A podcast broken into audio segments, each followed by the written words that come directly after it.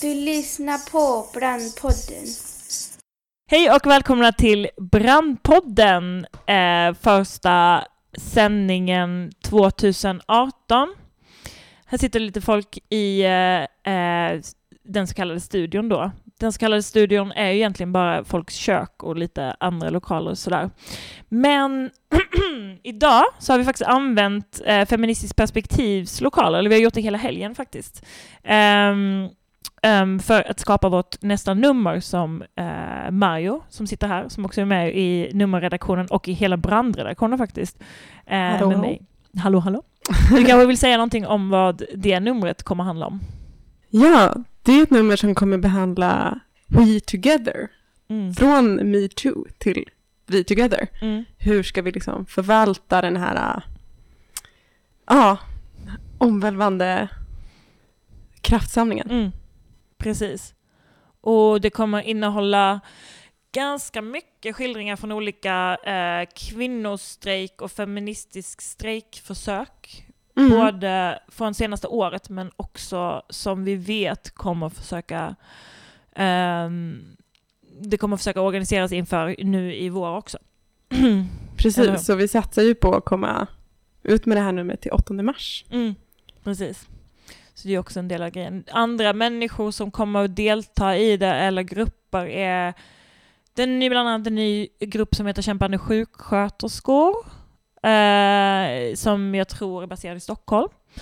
Också kommer vara ganska eh, många olika eh, aspekter av kvinnojoursarbete, både historiskt och idag, vad man kan göra för att jobba mot sexualiserat våld, rent konkret. Och ja, något mer du tänker på? Jag försöker snegla här över Mm. axeln och se vad var det vi Vad har vi jobbat med? med i helgen egentligen? Vad står det där uppe? Ja, nej men... Eh, ja. Det kommer vara mycket olika eh, infallsvinklar. Mm. Vi kommer ju också eh, försöka prata mer än vad vi har gjort kanske innan om transpolitik. Ja. Lite för att bemöta den diskussionen som har eh, varit kring Ekis text i Yes. Expressen. Mm. Mm. Och om reproduktion. ja, eventuellt. Mm. Om inseminering. Mm, precis, faktiskt. Eh, ja, lite allt möjligt. Ehm, och ja, som sagt, 8 mars kommer det ut. Och ja, vi har också försökt den här gången jobba lite mer eh, över våra egna kategorier. Alltså mer eh, samarbete mellan bild och textredaktionen. Så vi får se Ja, vad det och, landar och ö- öppnat lite grann. Så vi har Mm. varit ganska många som har jobbat med det här numret. Exakt. Det har varit fullt här i helgen faktiskt. Ja. Alltså 15 nya personer. Nej, men ja, nästan. Det har varit superhärligt. Mm, det har varit jätte, jättemysigt. Vi tackar Feministiskt perspektiv för det, att vi har fått vara här.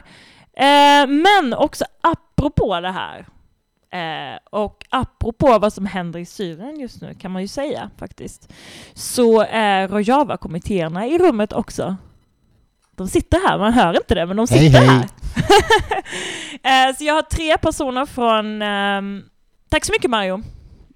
Vi pratar mer sen. eh, tre personer från Rojava-kommittéerna. Här, ni kan ju presentera er själva, kanske säga era namn.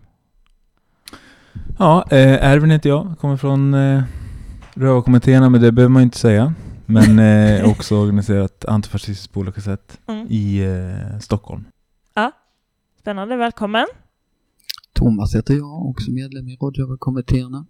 Eh, inte organiserat på annat sätt utan bara där. Mm. Räcker gott och väl. Och jag heter Erik. ehm, Ja, förutom Rojava-kommittéerna är jag väl gammal anarkosyndikalist. Mm. det bra, man måste ju definiera sig på något sätt. Ja. ja. ja, men vad fint att ni är här och vi har pratat en, eh, ganska länge om att få till det här samtalet och nu så apropå liksom att, eh, ja apropå er demonstration som ni ska ha på lördag, eh, men den är ju också apropå en viss annan sak som har skett eh, just nu och inte minst i natt i Syrien. Eh, och, men ni kan väl kort kan säga någonting om demonstrationen, ni kommer göra det sen också vet jag, senare i programmet, men bara så att lyssnarna får höra det ett par gånger. Vad kommer hända på lördag? Vi kommer ha en demo Mm. fortfarande i planeringsstadiet för att protestera mot Turkiets invasion av Afrin-kantonen i Mm. nordvästra Syrien. En av de tre kantonerna i Rojava. Mm, just det. Och vi vill att det ska bli en så bred demonstration som möjligt som lockar så många som möjligt. Det är bra. Då, så, då uppmanar vi också alla våra kamrater där ute att faktiskt komma till den här. Kommer det vara i Stockholm? Ja, det kommer det vara. Mm. Lördagen den 27. Tiden inte satt än, inte Nej. hela planen, plats eller rutt. Så ni som lyssnar som befinner er i eller runt Stockholm kan ju tänka på det. Vi återkommer till det lite senare, men eh, nu skulle jag vilja faktiskt inleda med att såklart, för alla som inte är bekanta med Rojava-kommittéerna, ehm, kan väl, ja, ni kan väl dra lite för mig liksom vilka ni är och vad ni har gjort de senaste, den senaste tiden, varför ni startade och så vidare. Ehm, ja, vem vill? Ja, jag kan ta det. Ehm, vi, eh, alltså Rojava-kommittéerna startade ursprungligen vintern 2014-15 Mm. när staden Kobane i Rojava var ockuperat av, eller belägrat då av, av Isis, eller Daesh som de också kallas. Ehm, Det var en väldigt ohållbar situation för de människorna som levde i den staden då och eh, vi, eller några av oss, satte igång med en klädinsamling för att skicka ner kläder till, till vintern då, vinterns Kobane. Mm.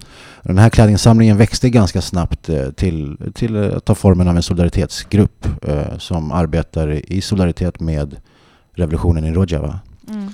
Och vi är väl eh, vi är lite olika människor från hela vänsterspektrat eh, som egentligen bara har en sak gemensam och det är att vi tror på den här revolutionen. Och, och eh, ser hur den föder väldigt mycket hopp, inte bara i regionen där den är verksam utan även för resten av världen som vi alla tampas med liknande problem. Ehm, ja, och vi har um, hittills ehm, bland annat då varit med och byggt upp en musikstudio i Kobane eh, som en del av, av deras då kulturella självförsvar som är en central del i ideologin. Vi har samlat ihop eh, dryga um, en halv miljon kronor i, för eh, renovering och även nybyggda skolor i regionen. Mm. Vilket vi är ganska stolta över eftersom vi inte är så många så är det ganska mycket. Ehm, vi har också varit med och både finansierat och utrustat eh, ett rehabiliteringscenter för, eh, Mm, för skadade YPG och YPJ-kämpar. Mm. Mm. Ehm, och ja, vad mer har vi gjort? Ja, men vi hade, från början hade vi en tanke att vi skulle ehm, alltså integrera svenska vänstern i den kurdiska frågan, i den kurdiska rörelsen. Så att vi har ju skickat ner aktivister och åkt ner själva liksom, och försökt ta del av systemet och samhället. Hjälpa till på olika sätt, men också försöka ta det tillbaka hit. Eh, och som du sa, inspirera så ta Mm. del av hoppet liksom för att bygga Mm. på den svenska vänstern. Mm, mm, Som mm. vi ju som alla andra i den svenska vänstern ser att, att eh, eller ser som ganska tom just nu liksom. Mm. Det finns stor potential att, komma in med nya idéer och nya praktiker. så. Hur, får jag ställa en fråga? Alltså, hur, hur svårt är det? Eller hur, hur har, ni, har ni känt- känt att det ändå har liksom kunnat knytas an någonstans på en plats som Sverige, Stockholm, som ändå är ganska olik? Liksom? Alltså vi får väl svara att vi just i den aspekten av vår, vårt arbete är vi fortfarande i någon form av eh, grundstadie. Ehm, vi, har ju, vi har ju startat ett förlag som heter Heval förlag där Just vi, det. där vi Mm. ger ut eh, böcker och ja, eh, som är mestadels då, ja, som beskriver helt enkelt ideologin och vad som händer där nere. Mm. Och det är väl, vi skulle kunna enkelt eh, säga det som att vårt arbete består i två delar. Eh, där den ena är ren praktisk hjälp åt revolutionen. Pengar, saker, folk. Mm. Eh, och det andra är, är att sprida opinion, bygga opinion och sprida information.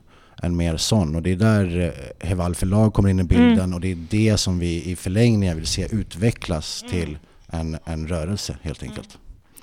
Det gäller att drömma stort. Det gör det verkligen. Alltså, annars vet det fan. Ja. Det man historiskt kan säga är väl att liksom den kurdiska rörelsen i Sverige har varit ganska ensam. Mm. den har inte tidigare varit så involverad i den övriga svenska vänstern. Och det är väl någonting som vi har märkt av också. Mm. Till en början så var det ju alltså 95% kurder på Mm. våra arrangemang och demonstrationer. Men med tiden så har det ju det har utvecklats till att ett bredare stöd. precis Wow. Mm, det är sant, verkligen. Det känner jag ju verkligen igen. Alltså, som, är, som icke engagerad i just... Och det har väl sina förklaringar också. Vi kommer ju kanske in på det mer senare hur, hur den kurdiska rörelsen har förändrats ideologiskt. Men, men den, den var ju Mm. tidigare marxist-leninistisk och det har väl också satt sina spår i hur den har haft kontakt med den svenska vänstern. Mm. Precis.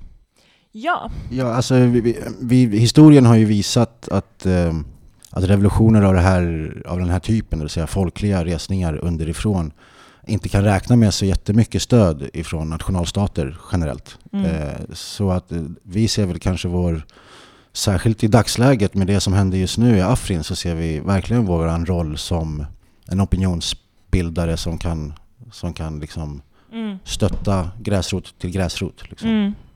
Vi ska verkligen komma in lite mer på Afrin sen också. Det känns som, eh, jag tänker att många som lyssnar också vill höra om vad ni funderar på kring det, om det finns någonting att säga. Vi har ju väldigt, som ni också, vi har pratat om innan, liksom ganska knappa kanaler. Förstå vad som sker, men lite kan vi väl säga om det också sen. Ehm, vi gjorde, ja, vill du säga någonting? Men innan du går in på nästa Mm. fråga så skulle Mm. jag också bara vilja lägga till att vi har ehm, lokalgrupper i Göteborg, Mm. Ja, det här är... Malmö, Ja. Stockholm, ehm, Umeå och sen Mm. finns det andra solidaritetsgrupper. Vi är väl, hur många är vi? Är vi fyra eller fem olika? Söderhamn har en grupp, liksom, den är inte Mm. knuten till oss men de håller på med samma fråga och Mm. jobbar väl mer mm, kommunbaserat. Alltså det är Mm. ganska mycket vänsterpartister där som Ja, engagerar sig. Så att eh, vi jobbar på flera håll och vi hade tidigare i, i somras så hade vi vår första utbildningshelg där vi bjöd in mm. till att eh, folk fick komma och, och, och prata och så hade vi olika föreläsare där och försökte belysa ideologin och kampen och framtiden. Kommer ni ha det igen? Tror ni? Ja, planen är att vi ska ha en till. Mm? Och, och göra den eh, ännu bättre och Mm. integrera och bjuda in mer Fler. människor. Vi bedriver ju även studiecirkelverksamhet som Just vi det. bjuder in folk till Just det. också. Precis, det kan man hålla utkik på via er Facebook antar jag.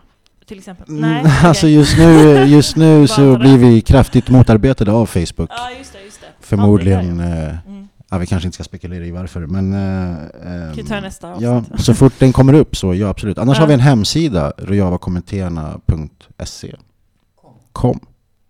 Punkt Just .se com. Nej, punkt .com. Rojavakommenterarna.com. Coolt, men... eh, ehm, ja, på tal om ideologi. eh, vi har ju också gjort ett par nummer i brand och ältat fram och tillbaka. eh, dels den demokratiska konfederalismen som ni ska komma in på nu. eh, men också det som man kan säga är någon slags eh, systerrörelse, municipalismen, liksom, som det kallas på många andra håll. Eh, vill ni berätta lite om, om det här för den som inte har någon aning om det? också. Och i förhållande till såklart eh, och Java. Men ja. Mm. Alltså ideologiskt så brukar de tala om fyra nivåer. Eh, de brukar tala om den demokratiska autonomin som är den lokala eh, kampen så att säga. Och sen Mm. så ehm, om man tar då Rojava som ett exempel så är det ju tre stycken kommuner. Mm. Eh, som då är tre stycken demokratiska autonomier. Och Mm. tillsammans så bildar de en demokratisk federation. Mm. Och det är det vi ser i Rojava idag. Mm. Eh, och sen då inom ideologin så talar man om en ehm, demokratisk modernitet som är någon typ av ehm, ja, vad ska man säga då, motmakt till kapitalistisk modernitet. Mm. Eh, alltså ja, det systemet som, som vi vill leva Mm. inom. Liksom. Mm. Konfederalismen är mer som en administrativ, administrativt mm. system, hur vi organiserar vårt samhälle. Mm. Eh, och demokratisk autonomi är ju liksom den, eh, den grund, grundformen, eller där, där, där man lokalt arbetar eh, och utvecklar det samhället man vill ha. Mm. Ehm, och den politiska strukturen som då ta bort styrningen, auktoriteten och befogenheterna som, som staten har och som staten vill eh, att vi ska inordnas i. Mm. Så att tar man då till exempel och tittar på Turkiet och hur det ser ut i den delen av Kurdistan som kallas Bakur Mm. så eh, jobbar de mycket just med det att, att eh, bygga upp en, en parallell struktur till staten. Ehm, staten är ju extremt stark i Turkiet. Mm. I Syrien så är den ju inte så stark på grund Nej. av inbördeskriget. Så där har man ju då kunnat bygga upp de här autonomierna och Mm. forma en. Konfederation. Ehm, och det handlar ju om att liksom organisera det lokala området eh, från byar uppåt eh, i en radikal demokrati. Ehm, och där handlar det om direkt deltagande. Eh, det handlar om att delegera rättigheter och den politiska representation- representationen på ett sätt som man då tycker är ett, ett bra sätt. Ehm, ja, och där eh, så har väl jag liksom tappat bort lite mer i texten och ett, har mycket tankar i huvudet. Ja, men det kan väl, eh, det kan väl sägas att, att eh, demokratisk konfederalism som sådan är ett, ett, ett samarbete, i, eller ett ihopkok av eh, Murray Bootchkins eh, idéer, eller skrifter, och eh, Ja. med tillägg då av Abdullah Öcalan, eh, Mm. Ja, den kurdiska Och, folkledaren. och eh, där, där vill jag gärna att ni berättar vilka de här människorna är för Ja, självklart. Eh, eh, Murray Bootchkin var en... en Kanske du också kommer komma in på lite senare? Jag. Ja. Ja, Thomas kommer berätta mer om det här sen i ett historiskt perspektiv. Men, men enkelt, snabbt sagt, han, han var en eh, eh, kommunal anarkist, kommunalist som det Mm. kallas, och förespråkade liksom eh, stora friheter mellan grupper.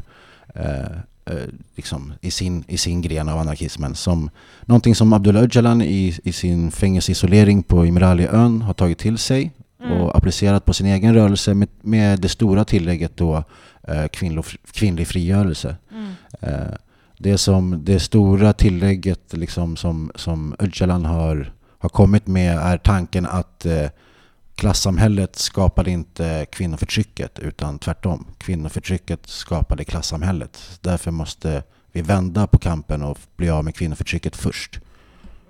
Just det. Ehm, Ja, sen ehm, är ju de tre liksom hörnpelarna i ideologin är just det som vi har döpt till könsnormsbefrielse. Ifrån Mm. engelskan står gender liberation. Mm. Det vill säga att vara befriad från könsnormer. Mm. Det är ekologisk hållbar utveckling och industri. Mm. Eh, Och det är då direkt demokrati, att makten ska utgå ifrån folket. Ja. Och representanter är enbart representanter. Eh, De, de är inte yrkespolitiker. Nej, precis. Det är intressant att diskutera hur det går att förverkliga. Men det kan vi ta sen kanske. Mm. Men ja, ska vi gå vidare lite då?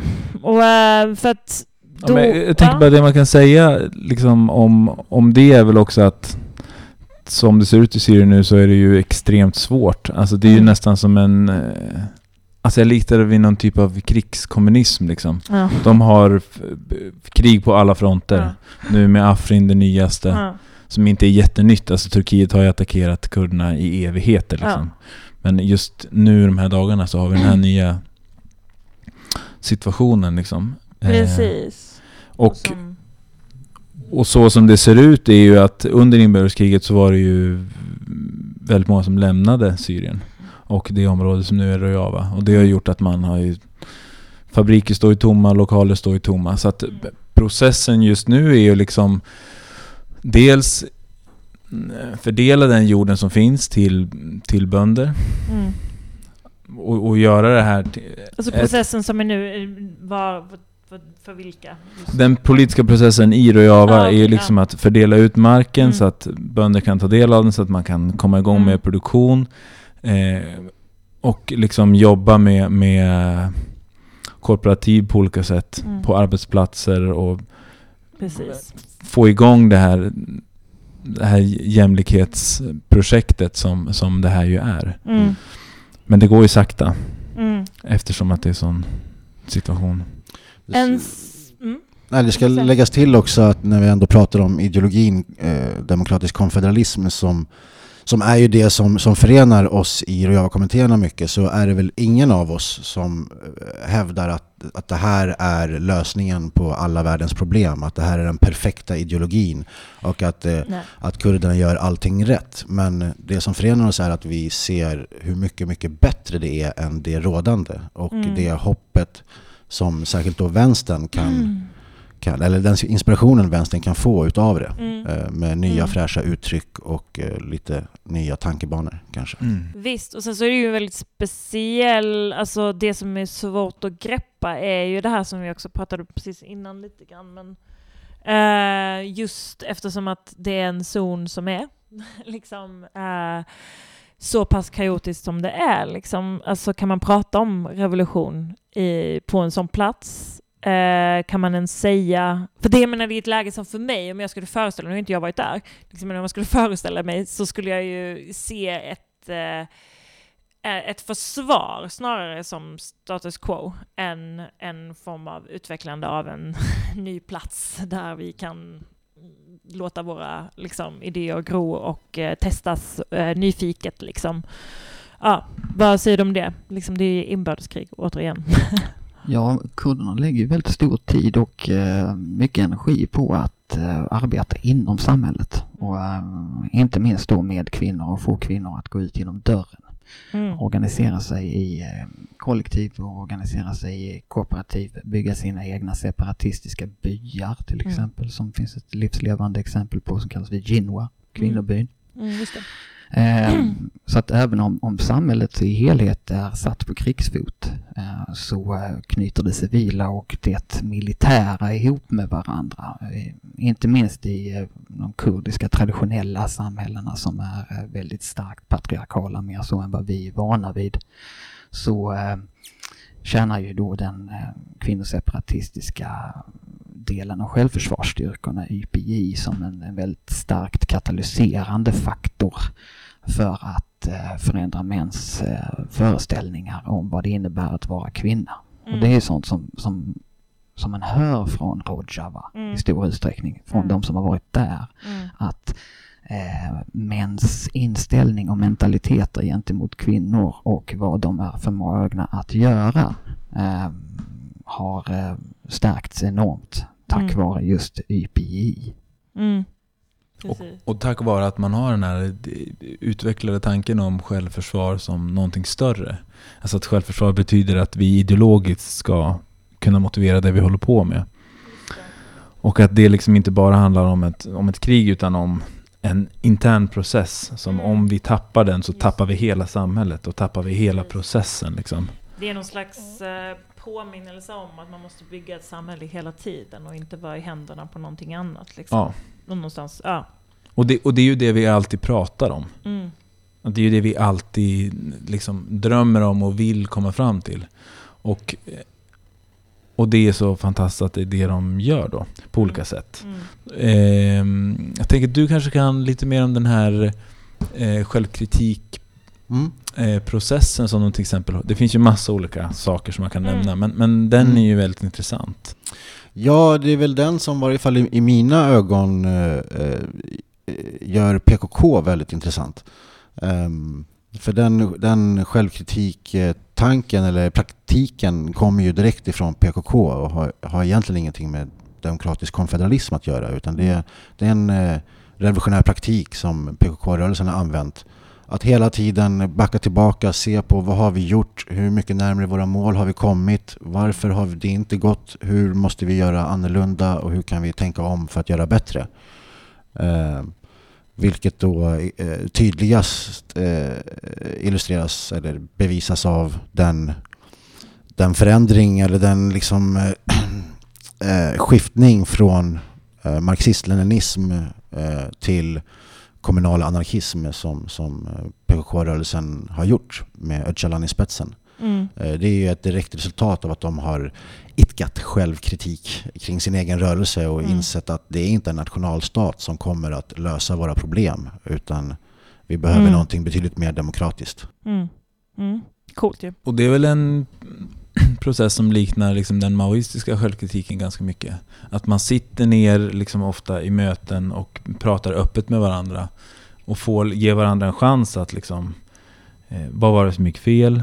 Hur kan vi tänka kring det? Vad kan du göra annorlunda? Om det så handlar om sexism eller om det handlar om mm, liksom produktion eller vad det nu handlar om. Utan att det, Mm. det är den här ständiga diskussionen och den här ständiga, på ett sätt då iakttagandet Mm. av individen för att kollektivet ska eh, fungera och gå framåt. Hur menar du med iakttagandet av individen? Ja, vet det låter lite negativt kanske med iakttagande, Nej, men, men- men min uppfattning är att, att de har... eh, De är väldigt medvetna om beteenden och Mm. om varandra och vill hela tiden ta upp det och prata om det Mm.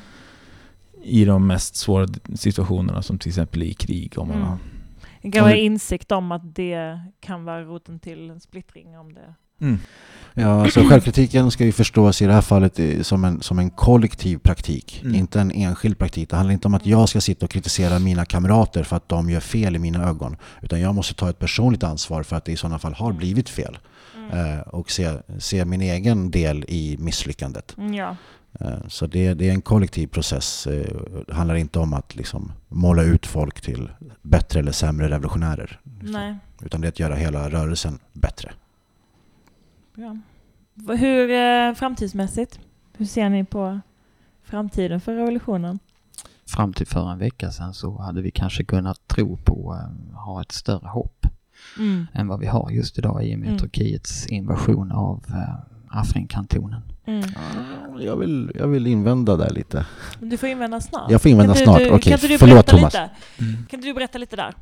Ja, nej, eh, Erik har ju rätt. Alltså, det är ju, jag bygger på en viss naiv föreställning att, att eh, människor och stater eh, av någon anledning skulle kunna vilja väl. Mm. Och det gör de inte. Det har vi sett nu i dagarna när Mm. eh, både Förenta Staterna och Ryssland som tidigare varit positivt inställda till eh, eh, administratörerna och militären då, då i, i Rojava har vänt dem ryggen Mm. eh, och låtit dem bli angripna Mm. av Turkiet. Ehm, och det där har ju funnits en ehm, ideologisk förståelse av det som Erik skulle invända mot att ja, jo tack, det, nog kommer eh, jänkarna och ryssar vända Mm. Rojava ryggen om det finns några geostrategiska och andra eh, vinster att göra på det. Och det är precis exakt så som har hänt Mm. de här gångna dagarna. Ja, precis. Det var det, alltså att, att, att USA inte var en uh, friend in need är det väl ingen som eh, blir förvånad över. Och kurderna har varit beredda på det här hela tiden. De blev ju förrådda i Irak under Gulfkriget av USA. Så att de, de har det här färskt i minnet, att Mm. USA inte är någon pålitlig allierad. Så att, att det skulle hända har varit förväntat. Att Turkiet skulle attackera Rojava har varit förväntat ända sedan sen första PKK gick över gränsen i Ja, princip. gud ja. Det är en tid- det är en tidsfråga liksom. Ja, Ja, verkligen. så, så allt det som händer nu är ju både förväntat och, och eh, i bästa fall väl förberett för. Mm. Eh, vilket jag har visat, de senast, den senaste informationen jag har fått är ju att eh, den här militära operationen i Turkiet inte alls har gått så jävla bra för turkarna som de kanske hade hoppats på. De Mm. möter kraftigt motstånd. Mm. Eh, och och jag, jag för min del vägrar släppa mitt hopp om ett segrande Rojava och, för det är där jag ser är roll klart. komma in Mm. i det hela. Det är Nej, det klart, är det kan snarare- aldrig göra. Nej, Det är snarare att vi slås tillbaka liksom, eller rörelsen slås tillbaka av att man måste handskas med de här problemen. Mm. Som man i och för sig gör hela tiden och som man är Mm. väl medvetna om. Mm. Men kontentan är ju ändå att, att revolutionen fortsätter ju. De lyckas ändå fortsätta bygga sin infrastruktur eh, för varje dag. Det blir bara starkare. Och eh, eh, det verkar som att världen hela tiden också ser det och hela tiden också utvecklas med revolutionen och allierar sig på olika sätt. Mm. Även om man kan tycka att det inte är tillräckligt och sådär. Men, men jag menar, jag tänker bara på de här åren som, som vi har funnits i Rövarkommittéerna. Mm. Från då till nu så ser vi ju hur, hur det finns en helt annan eh, möjlighet att bedriva frågan. Fler lyssnar, fler är intresserade, fler vill alliera sig. Mm. Ehm, För ni ändå påstått här, till exempel, i en liten konversation som vi hade innan, att det är svårt att mobilisera folk i kampen för Rojava. men är det inte svårt, då, då tänker vi så här, Men- alltså är det inte då svårt att mobilisera hela tiden?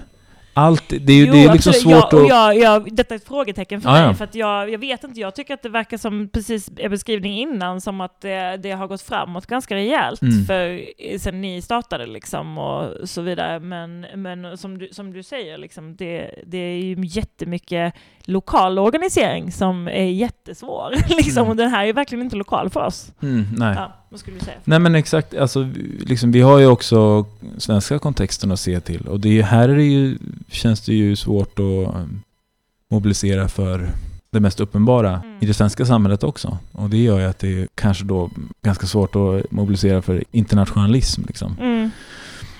Eh, men, men det går ju och, och tanken är väl också att vi vill ju integrera oss i, i, i den svenska politiken. Mm. Och så, på så sätt göra det lättare att säga att ja, men det här händer i Sverige, det händer också här. Mm. Det är samma kamp liksom. Mm. Vad är det svåraste respektive det lättaste för människor att förstå eh, när det kommer till den här parallellerna ni vill dra till Rojava? Jag tänker typ så här, ja men liksom den antifascistiska kampen för mig, det är ganska uppenbart liksom. Eh, och speciellt när jag tänker på liksom min lokala kamp med bostadspolitik och liksom den typen av municipalism som man ändå har liksom stött och blött i konversationer med folk som är organiserade till exempel i Norrland och så vidare. Liksom, att det ändå finns en så här, för mig är det ganska lätt att göra kopplingarna. Men är det det för alla? Liksom? Eller vad är det man ser som är svårt? Eller, eller var är det man klickar liksom, på det? Eh, Ja, jag tänker jag kan svara. Ja. Min tanke kring det Varsågod. där är ju att eh, eh, det, all, alla vänsterkamper som jag ser det, som är i varje fall värda namnet, utgår ifrån ett humanitärt värde. Det är en humanitär kamp. Eh, ni ser barnfamiljer bli vräkta. Det är inte humant. Det måste vi bekämpa. Eh, Vi ser reguljära arméer gå in och bomba byar. Det är inte humant. Det måste vi bekämpa. Så jag tror att det är med det humanitära arbetet vi når fram till, till eh, så kallat vanligt folk. Eh, jag tror att så fort du börjar prata liksom ideologier och liksom börjar eh, finhacka den här löken så kommer folk alltid hitta invändningar till varför inte just den biten av löken var den bästa. Men det är det, dit man måste om det ska bli en verklig revolution, tänker jag. Mm. Absolut, men jag tänker att vi får utgå ifrån Mm. det humanitära värdet och sen försöka dra likhetstecken mellan det till de olika ideologierna som finns till hands för att säkerställa det humanitära Mm, värdet. Mm. Ja. Det som man pratar om väldigt mycket inom den här rörelsen är ju homogenisering. Liksom. Mm. Eh, och det tänker jag att vi möter ju hela tiden. Mm. Alltså på olika sätt då, kulturellt till exempel vill man i Turkiet att alla ska vara turkar. Mm, just det. Eh, och eh, Men jag tänker på svårigheterna då. Alltså... um, Eh, här nämner ni också språkförbistringar, alltså um, att mobilisera folk i förhållande till... Du säger något Thomas? Eller? Du var på G där känns det som. Ja, Erik har ju en sån här intressant liknelse med eh, spanska inbördeskriget. Just det. Att folk i flera västeuropeiska länder klev man ur huset för Mm. att eh, delta på eh, vänstersidan. Mm. Eh, och någonting liknande idag, eh, Rojava skulle kunna vara en motsvarighet till, Ja. eh, till den spanska kampen, så finns det ingenting som påminner om det. Eh, Och varför det? Ja, det är ju en spännande fråga. Vad är det Mm. som skiljer 30-talets människor från oss själva? Eh, och det är ju såklart i första hand att de hade ju en eh, tro på eh, ett, eh, ett kollektivt försök att bygga en bättre värld. Medan vi har dels släppt tanken på att en bättre värld är, är möjlig och det här samhället är så fruktansvärt sönderindividualiserat. Mm. Eh, Ja men precis, och där tänker jag på det här med ideologisk homogent liksom. Där den, den kampen som vi kan se i Sverige går ut för. Alltså triangulering mellan Moderaterna, sossarna och vad man nu ska säga. Mm. Det, det, är en, det är en hård kamp som vi har här i Sverige och i, Mm. i Rojava så är det en levande kamp. Mm. Där de överlever på grund av att, att det finns en ständig diskussion och ett ständigt hopp på att vi kan förändra saker. Vi Mm. kan organisera samhället på ett annat sätt. Vi kan arbeta kooperativt eh, med ägande. Mm. Eh, och och sådana saker tänker jag att det, det finns ju såklart i alla kapitalistiska samhällen. Det finns ju här också. Mm, mm. Eh, och där skulle man ju kunna koppla ihop på massa sätt och Mm. finna allianser. Om det så handlar om eh, bostad eller om det handlar om arbete eller eh, ackumulerande kapital, monopol.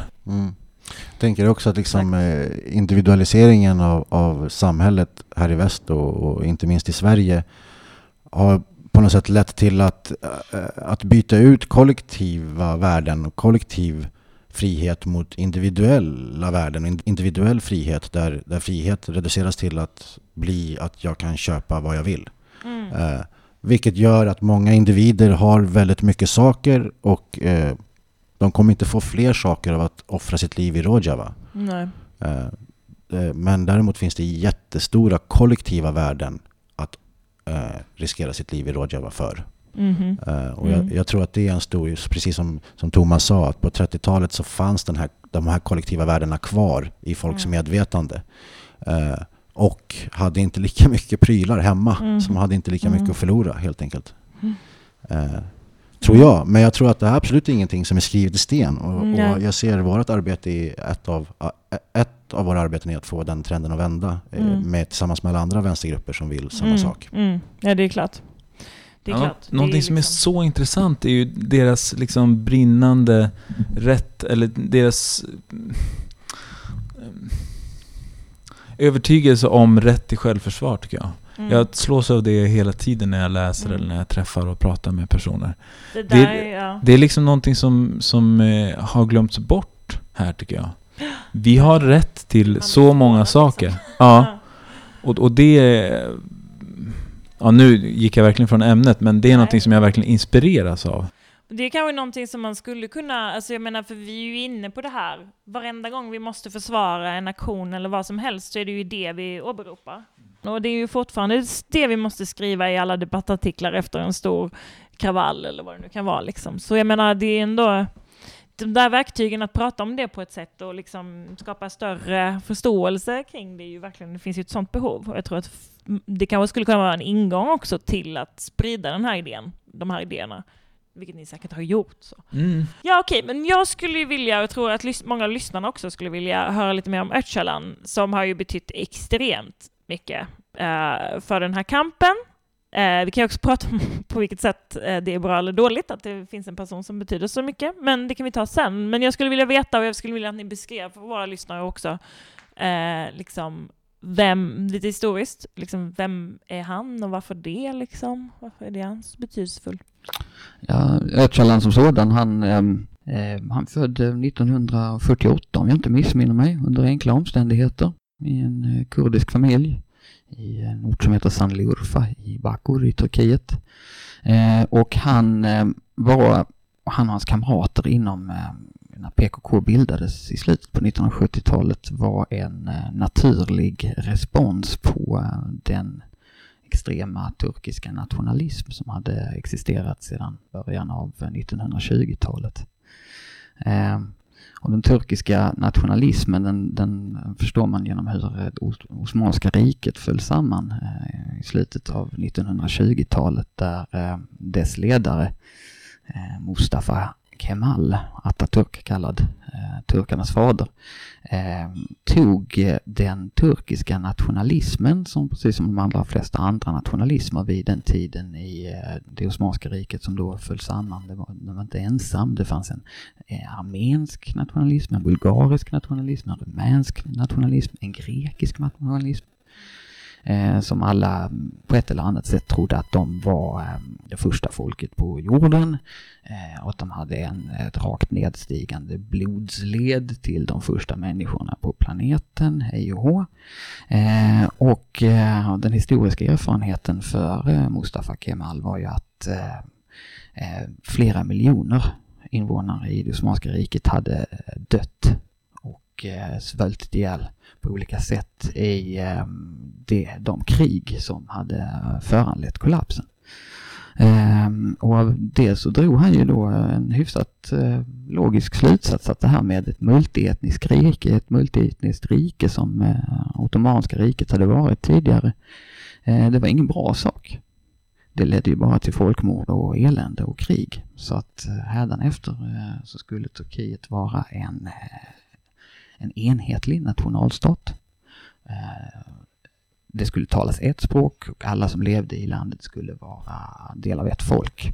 De skulle vara turkar och de skulle vara glada och lyckliga att kunna kalla sig för det. Det fanns ju såklart ett problem med det där och det var den omfattande minoriteten som levde i eh, landets sydöstra delar. Eh, som inte var turkar. Som inte talade turkiska till stora delar. Och som än mindre var glada och kalla sig för turkar. Och det var ju kurderna då. Och trots omfattande assimileringsförsök så eh, skapades det som eh, Öcalan själv kallar för den eh, kurdernas eh, nationella tillblivning, tillblivelseprocess i slutet på 70-talet.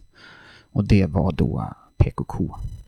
Och PKK var ju spännande för att de det var ett parti som strävade efter ett enat Kurdistan som skulle binda samman de fyra olika delarna eh, av eh, Kurdistan, däribland Rojava och skapa en egen nationalstat mer eller mindre efter eh, sovjetiskt mått. Och sedan så eh, kollapsade Sovjetunionen, eh, världskommunismen likaså. Eh, Öcalan blev fängslad och då satte sig Öcalan i sitt fängelse på Imraliön i, i Marmarasjön eh, från 1999 och eh, analyserade vad som hade hänt och hans kamrater uppe i Schandilbergen, de ledande politiska kadrerna av PKK, gjorde samma sak. Och så kom de fram till ungefär samma sak, att det här med nationalstater är ingenting bra. Eh, vi ska inte försöka skapa en egen sådan. Och så istället så ombildade man partiet till att bli en, eh, en eh, mångfacetterad rörelse. Eh, som då mer eh, liknar eh, ja, anarkismen i brist på bättre ord. Eh, Öcalan sitter kvar i sitt fängelse gör han fortfarande. Eh, men eh, hans, eh, hans ideologi har blivit rörelsens egen och den binder då samman kurder inte bara i, i Bakur och Rojava då, då, i Turkiet och Syrien utan även i Irak och Iran där befolkningen talar ett annat språk. Och det här är av ganska stor vikt att eh, kurderna nödvändigtvis inte mm, förstår varandra så enkelt. De som talar kurmanchi och de som talar sorani. Eh, men eh, det finns en gemensam rörelse som sträcker sig över hela Kurdistan. Jag ehm, tänkte egentligen bara lägga till um, på tal om PKK och grundandet av PKK och sånt och vad som låg till grund för det. Ehm, var ju eh, flera generationers förföljelse och, eh, och eh, försök till etniska rensningar av kurder. Så det var, det var en otrolig repression som eh, PKK helt enkelt blev ett svar på. Eh, eh väldigt likt de flesta andra grillorna i, i världen som, som egentligen är en reaktion på en större orättvisa. Mm, just det. Och för att återkomma till det jag sa innan, eller undran liksom, eh, finns det något, något problem med att det finns en sån här personkult kring Öcalan? Eh, jag, alltså, jag, eh, jag, skulle, jag skulle säga nej, enkelt på den frågan. Men ja, självklart. Det, som störst är väl problemet eh, i, i västerländsk vänster. Att, eh, att, eh, att få västerländsk vänster att knyta an till Öcalans ideologi där, där liksom personkulter känns eh, läskiga. Mm. Eh, men jag säger nej, jag håller med om, om den, om att jag, tyck, jag tycker själv att det är läskigt med personkulter. Jag, jag ser problem med det. Men just i det här fallet så eh, Öcalan eh, jämförs inte helt sällan med Nelson Mandela eftersom de båda satt på fängelseöar och var båda eh, folkliga representanter och så vidare. Skillnaden är ju den ideologi de förespråkar och den, eh, det samhällssystem mm. som de i så fall släpps fri till. Mm. I, i, I Sydafrikas fall så fanns det en presidentpost som bara låg och väntade på Nelson Mandela. Eh, så, så fort han kom ut så fick han den. Eh, det finns ingen presidentpost i Rojava. Det finns ingen tron som sitter och väntar på sin, eh, på sin frånvarande eh, härskare. Öcalan kallas i folkmun för Serok Apo som, som betyder led, ledare Apo. Men han själv föredrar att bli kallad för Reber Apo, vilket betyder med guide. Apo är förkortning för Abdullah, som är hans namn. Mm. Eh, Och vad betyder det andra? guide, Reber, guide. Guide. Mm. Så han ser sig själv mer som en guide mer än en ledare. Och även fast alla andra ser honom som en ledare så finns det ingen ledarposition att sätta honom på. Mhm. Eh, därav så, så jag har ju sett, eh, eh, sett bilder från olika håll i Rojava där, där araber och, och andra icke-kurder eh, hyllar Öcalan precis lika högt som kurderna. Mm. Helt enkelt för att han är ideologdesignen bakom den nyvunna friheten i, i, i den delen av Mellanöstern. Mm. Mm. Ja. Ja, det är ett enkelt trick att bara sätta honom på en pedestal och säga att han är ett... Alltså det var inte kritik till dig utan det är Nej, att sätta honom på en pedestal och säga att han är ett problem för att han är en ikon. Han är inte på liksom. min pedestal. En, Nej. En, en. Nej, men han är ju bara en del av arbetet. Alltså st- Mm. st- en stor del av tiden under den här eh, utvecklingen av PKK och nu det vi ser i Rojava är ju en, är ju en bred eh, politisk process Mm. som han är delaktig i till viss del, men, men det är också alla som jobbar. Ja, precis. Men, men jag har märkt att det, att det finns många som, speciellt många faktiskt gamla eh, marxister-leninister och sådär, som, som eh, säger att ah, det där är bara, det är bara Öcalan som sitter och styr det där, det är bara Mm.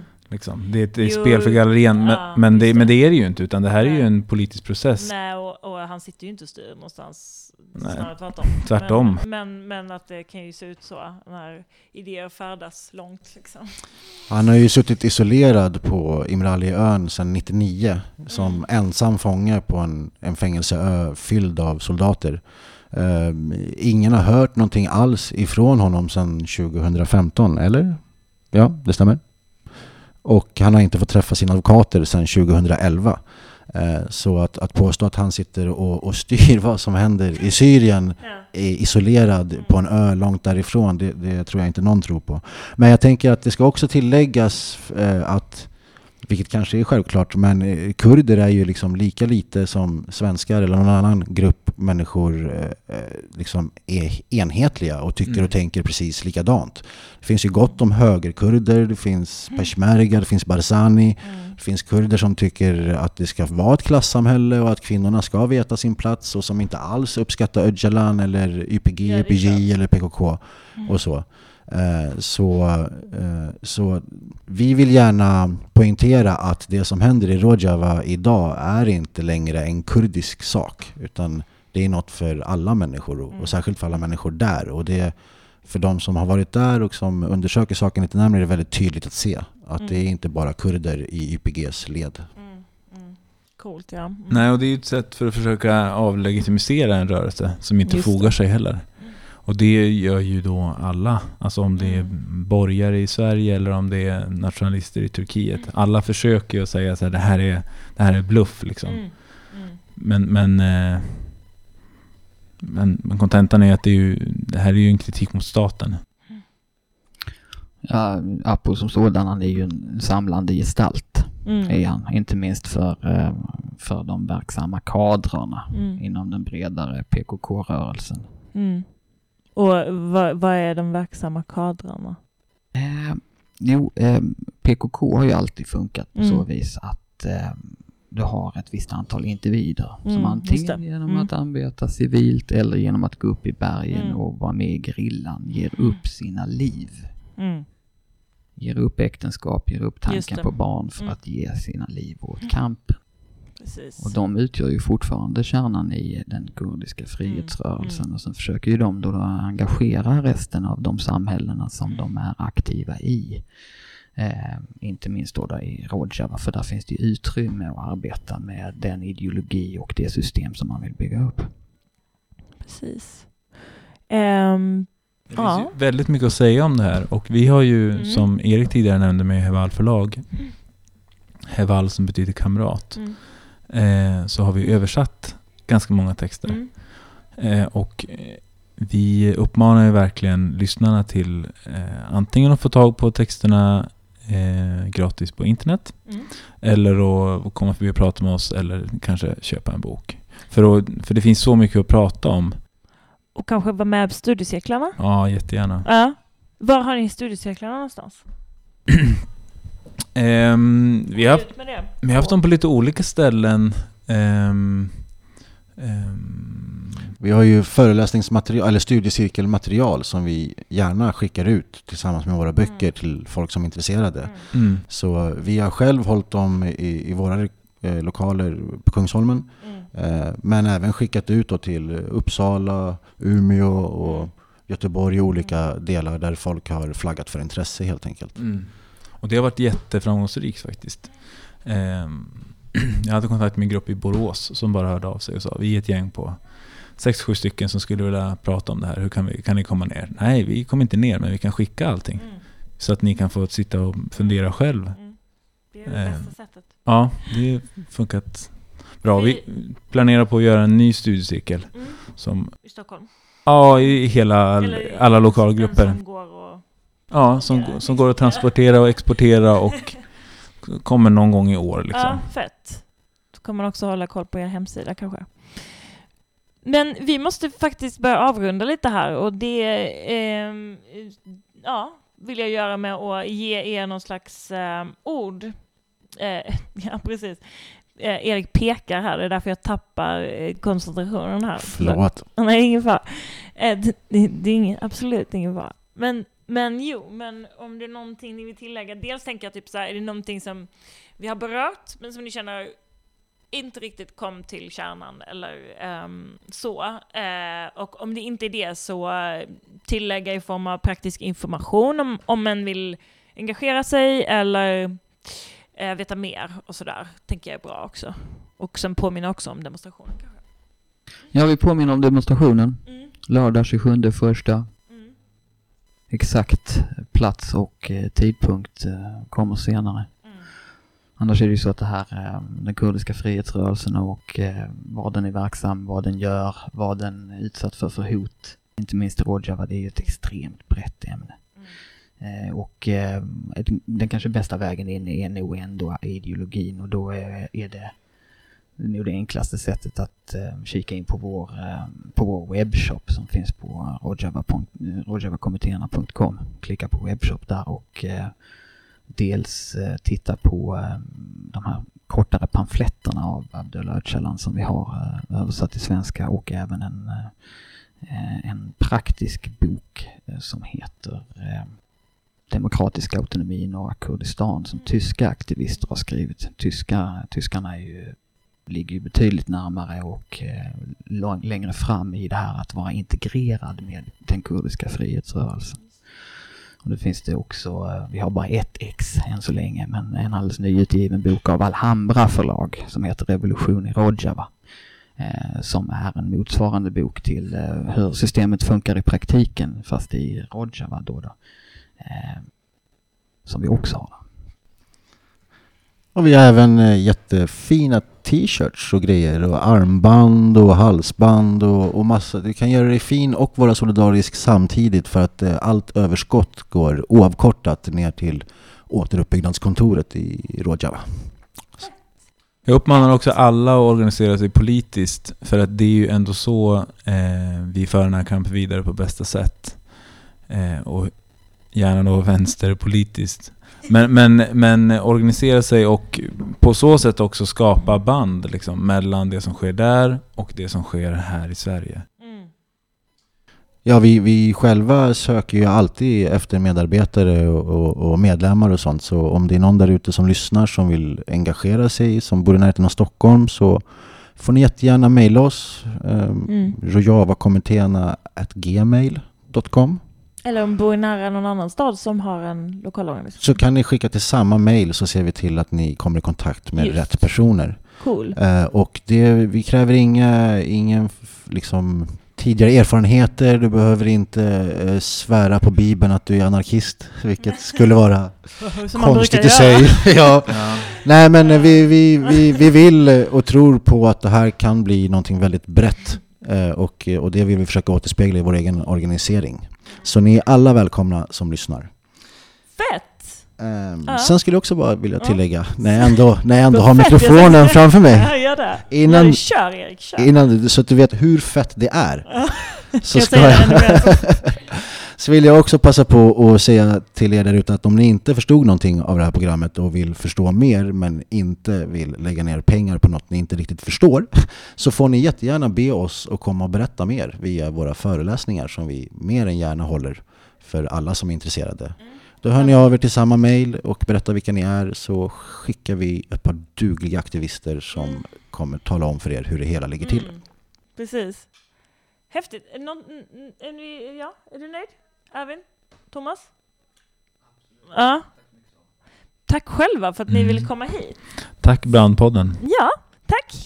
Och Feministiskt initiativ för deras Ja, lokaler som är feministiskt helt fantastiska. Perspektiv, inte initiativ. Ja, förlåt. Uh, Ja, inte partiet. Wow. Inte partiet. får redigera det. Ja, det blir roligt. Off the record, Erik gjorde bort sig något förbannat. Nej, feministiskt perspektiv, tidningen. Ja. Ehm, ja, det är jättekul att ha er här. Tack Erik, tack Thomas, tack Ervin. Så ses vi Tack, snart igen. Sara. Mm. Hej då! Hej då!